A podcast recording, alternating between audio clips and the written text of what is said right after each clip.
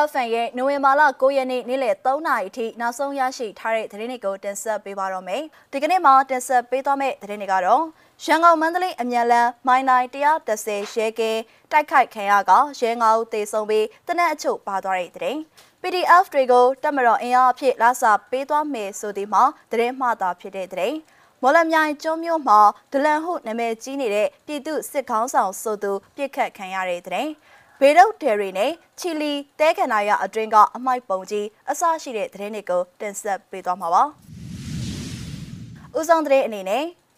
ရန်ကုန်မန္တလေးအမြန်လန်မိုင်တိုင်130ရဲကင်းတိုက်ခိုက်ခံရကရဲ9ဦးသေဆုံးပြီးတနက်အချို့ပါသွားတဲ့သတင်းကိုတင်ဆက်ပေးပါမယ်။ရန်ကုန်မန္တလေးအမြန်လန်မိုင်တိုင်130ရဲကင်းတိုက်ခိုက်ခံရကရဲ9ဦးသေဆုံးပြီးတနက်အချို့ပါသွားကြောင်းစစ်ကောင်စီကသတင်းထုတ်ပြန်ပါတယ်။ ဒီကနေ့နိုဝင်ဘာလ9ရက်နေ့မနက်အစောပိုင်းကဝင်ရောက်တိုက်ခိုက်ခံရခြင်းဖြစ်ပြီးရဲရီရဲ့တနက်အချုပ်ပါသွားခြင်းပဲဖြစ်ပါတယ်။တေဆုံးခဲ့တဲ့ရဲတပ်ဖွဲ့ဝင်တွေအနက်၄ဦးမှပွဲချင်းပြီးတေဆုံးကတဦးမှစေယုံကိုရောက်ရှိပြီးမှတေဆုံးခြင်းဖြစ်ကြောင်းဒေသရင်းသတင်းရင်းမြစ်တွေကမျက်စိမှကိုပြောပါတယ်။အဲ့ဒီရဲကင်းစခန်းမှာဖြူးမြို့နယ်အပိုင်းမှာတည်ရှိကဒေသအခေါ်ရဇရီတထောင်ရဲကင်းဟုခေါ်ဆိုကြောင်းဒေသကန်အချို့ကပြောပါတယ်။ အခင်းဖြစ်ရာနေရာအနီးကိုစစ်ကောင်စီတပ်ဖွဲ့ဝင်တွေစစ်ဆေးခဲ့ပြီးအမြန်လန်းတလျှောက်ပိတ်ဆို့ရှာဖွေစစ်ဆေးမှုတွေပြုလုပ်နေကြောင်းလည်းသိရပါတယ်ရှင်။ဆက်လက်ပြီးတော့ PDF တွေကိုတက်မတော်အင်အားအဖြစ်လာစာပေးသွားမယ်ဆိုသည်မှာသတင်းမှားတာဖြစ်တဲ့သတင်းကိုတင်ဆက်ပေးပါမယ်။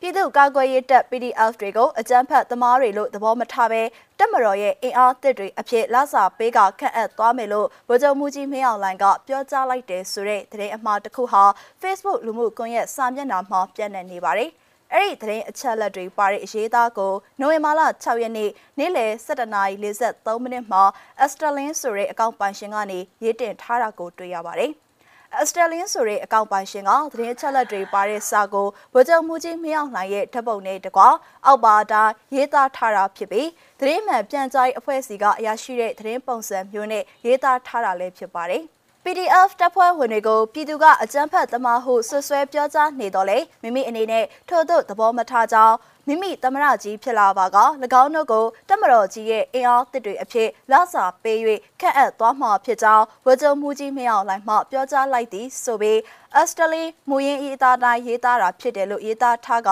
အဆုံးမှာ #3man ပြန်ကြားရေးဆိုပြီးအဆုံးသတ်ထားပါတယ်ဒီရေးသားမှုဟာသတင်းမှားတစ်ခုသာဖြစ်ပါတယ် ဘာဖြစ်လို့လဲဆိုတော့တက်မတော်သတင်းမှန်ပြန်ကြားရေးတက်မတော်ကာကွယ်ရေးဦးစီးချုပ်ရုံး website မှာ PDF တွေကိုလာစာပေးမယ်ဆိုတဲ့ဗိုလ်ချုပ်မှုကြီးမင်းအောင်လှိုင်ရဲ့ပြောဆိုမှုကိုမတွေ့ရသလိုသတင်းဌာနတွေကလည်းအဲဒီပြောဆိုမှုကိုကိုးကားပြီးသတင်းရေးသားထားတာကိုမတွေ့ရလို့ပဲဖြစ်ပါတယ်။ဒါအပြင် လက်ရှိမှာဗိုလ်ချုပ်မူကြီးမင်းအောင်လှိုင်ရဲ့စစ်ကောင်စီတပ်က PDF တွေနဲ့တိုင်းရင်းသားလက်နက်ကိုင်တော်လှန်အဖွဲ့အစည်းတွေကိုပြင်းပြင်းထန်ထန်ထိုးစစ်ဆင်တိုက်ခိုက်မှုတွေပြုလုပ်နေတဲ့အကြောင်းကိုသတင်းဌာနတွေကနေနေ့စဉ်ရေးသားတင်ပြနေတဲ့သတင်းတွေကိုကြည့်ရင်တွေ့ရမှာပဲဖြစ်ပါတယ်။တမတော်ကာကွယ်ဦးစီးချုပ်ပြောတဲ့စကားထဲမှာလူသိများတာတွေကစံကိုရှော့စားပြီးနေထိုင်မှုပုံစံပြောင်းဖို့ နေအောက်ရထားလမ်းဖောက်မယ်ငပြောပင်တွေရောင်းပေးမယ် COG ဖြစ်အောင်ကြိုးပမ်းကြတိုင်းရင်းကိုဗစ်ကာကွယ်ဆေးဖော်မယ်စတဲ့စကားတွေကိုပြောဆိုခဲ့တာတွေ့ရပြီး PDF တွေကိုအကြမ်းဖက်သမားတွေလို့သဘောမထားဘဲတက်မတော်ရဲ့အင်အားသစ်တွေအဖြစ်လာစာပေးကခန့်အပ်သွားမယ်ဆိုတဲ့ပြောဆိုမှုကိုမတွေ့ရပါဘူး။ အက်စတာလင်ရဲ့သတင်းစကားပါရေးသားထားတဲ့စာကိုမင်းနှင်းစီဆိုတဲ့အကောင့်ပိုင်ရှင်ကလက်နက်ကင်အဖွဲ့များသတင်းဆောင် EAO News ဆိုတဲ့ group မှာမျှဝေထားသလို Nordark ဆိုတဲ့အကောင့်ပိုင်ရှင်ကလည်းလက်နက်ကင်အဖွဲ့များသတင်းဆောင် EAO News နဲ့ CRPH ထောက်ခံသူများဆိုတဲ့ group မှာမျှဝေထားပြီးအခြားသောသူတွေကလည်းပြန်လည်မျှဝေထားတာကိုတွေ့ရပါတယ်။မင်းနှင်းစီ Nordark နဲ့အခြားသောသူတွေရဲ့ထက်ဆင့်မျှဝေမှုကို like comment share လုပ်တဲ့သူတွေတော်တော်များများရှိနေတာကိုတွေ့ရပါတယ်။သတင်းအမှားဖြန့်ဝေသူတွေဟာစာဖတ်သူတွေရဲ့အတွေးခေါ်အမြင်ဝေဝါးသွားအောင်ပြုလုပ်လျက်ရှိပြီးအထူးသဖြင့်အခုချိန်မှာဆိုရင် PDF CRPH NUG အဖွဲ့တွေနဲ့သက်ဆိုင်တဲ့သတင်းအမှားတွေတိုင်းရင်းသားလက်နက်ကိုင်အဖွဲ့အစည်းတွေနဲ့သက်ဆိုင်တဲ့သတင်းအမှားတွေတိုက်ပွဲသတင်းတွေ စစ်ကောင်စီခေါင်းဆောင်ပြောဆိုမှုရဲ့သတင်းအမှားတွေအပြင်လူမျိုးတစ်မျိုးနဲ့တစ်မျိုးအဖွဲ့အစည်းတစ်ခုနဲ့တစ်ခုပဋိပက္ခအသွင်ဆောင်စည်းမဲ့အမုန်းစကားသတင်းအမှားတွေကိုရည်ရွယ်ချက်ရှိရှိရေးတင်နေတာကိုတွေ့ရပါတယ်။ဒါကြောင့်လူမှုကွန်ရက်ပေါ်မှာသတင်းဖတ်သူတွေအနေနဲ့သတင်းတစ်ခုကိုဖတ်ပြီးဖြန့်ဝေတော့မယ်ဆိုရင်သတင်းအမှားလားအမှန်လားဆိုတာကိုအတည်ပြုပေးနိုင်တဲ့သတင်းဌာနတွေကတက်လာတဲ့သတင်းတွေနဲ့တေချာစစ်စစ်ပြီးမှတော့ပြန်လည်ဖြန့်ဝေပေးကြဖို့တိုက်တွန်းလိုက်ရပါတယ်ရှင်။ဆက်လက်ပြီး မော်လမြိုင်ကျွန်းမြို့မှာဒလန်ဆိုပြီးနာမည်ကြီးနေတဲ့ပြည်သူစစ်ခေါင်းဆောင်ဆိုသူပြစ်ခတ်ခံရတဲ့သတင်းကိုတင်ဆက်ပေးကြပါမယ်။ AR တိုင်းမော်လမြိုင်ကျွန်းမြို့မှာဒလန်ဆိုပြီးနာမည်ကြီးနေတဲ့ပြည်သူစစ်ကောင်းဆောင်ဆိုသူဦးကျော်တင်ဦးဟာမနေ့ကနိုဝင်ဘာလ10ရက်နေ့ည9:00နာရီကျော်အချိန်ကတနက်နဲ့ပြစ်ခတ်ခံရကြောင်းဒေသခံတွေစီကနေသိရပါတယ်။ ဦးကျော်တင်ဦးဟာမော်လမြိုင်ကျွန်းမြို့ငါးလက်မှာရှိတဲ့ဂရင်90စိမ်းရုံရှိမှတနက်နဲ့ပြစ်ခတ်ခံခဲ့ရခြင်းဖြစ်ပြီးမော်လမြိုင်ကျွန်းမြို့ပြပျောက်ကြားတပ်ဖွဲ့ဝါကယ်မှမြို့ပြပျောက်ကြားတပ်ဖွဲ့နဲ့အေယာဝတီလင်းမိုင်အဖွဲ့တို့မှပူးပေါင်းလှုပ်ဆောင်ခဲ့ခြင်းဖြစ်ကြောင်းအေယာဝတီလင်းမိုင်အဖွဲ့ဝင်တအူးကပြောပါတယ်။မော်ကျွန်း SDF ဝါခဲမ SDF နဲ့ ARD လင်းမိုင်အဖွဲ့တို့ပေါင်းပြီးမော်ကျွန်းမြို့ရဲ့အကြီးဆုံးဒလန်ကျော်တင့်ဦးကိုတတိပေး6လက်ပစ်ခတ်ခဲ့တာပါ။ လက်မောင်းကိုထိသွားပါတယ်။စစ်ကောင်စီအလို့ကြဆက်လက်လှုပ်ကိုင်နေရင်မြို့နေပြည်သူလူထုကိုဆက်လက်ဒုက္ခပေးနေရင်အသေးပြစ်သက်သွားမယ်ဆိုပြီး ARD လင်းမိုင်အဖွဲ့ကပြောပါတယ်။ဦးကျော်တင်ဦးပြစ်ခတ်ခံရပြီးမိနစ်အနည်းငယ်အကြာမှာအကြမ်းဖက်စစ်ကောင်စီတပ်တွေနဲ့ရဲတွေကမြို့ပေါ်ရက်ကွက်တွေမှာပိတ်ဆို့စစ်ဆေးမှုတွေပြုလုပ်ခဲ့သည်ဟုသိရပြီးဦးကျော်တင်ဦးကိုလူနာတင်ကားနဲ့ခေါ်ဆောင်သွားကြောင်းဒေသခံတွေကပြောပါတယ်။ ဦးကျော်တင်ဦးဟာမော်လမြိုင်ကျွန်းမြို့အမှတ်7ရပ်ကွက်ရုံးမှာရှိတဲ့ဌာနေပြည်သူစစ်တပ်ခွဲရုံးရဲ့ခေါင်းဆောင်ဖြစ်ကြောင်းဒေသခံတွေကပြောပါတယ်ရှင်။နောက်ဆုံးသတင်းအနေနဲ့ဘေဒုတ်ထေရီနဲ့ချီလီတဲခန္ဓာရအတွင်းကအမိုက်ပုံကြီးအကြောင်းကိုတင်ဆက်ပေးကြပါမယ်။သတင်းအပြည့်အစုံကိုတော့ရုပ်သံဖိုင်မှာရှုစားပေးကြပါအောင်ရှင်။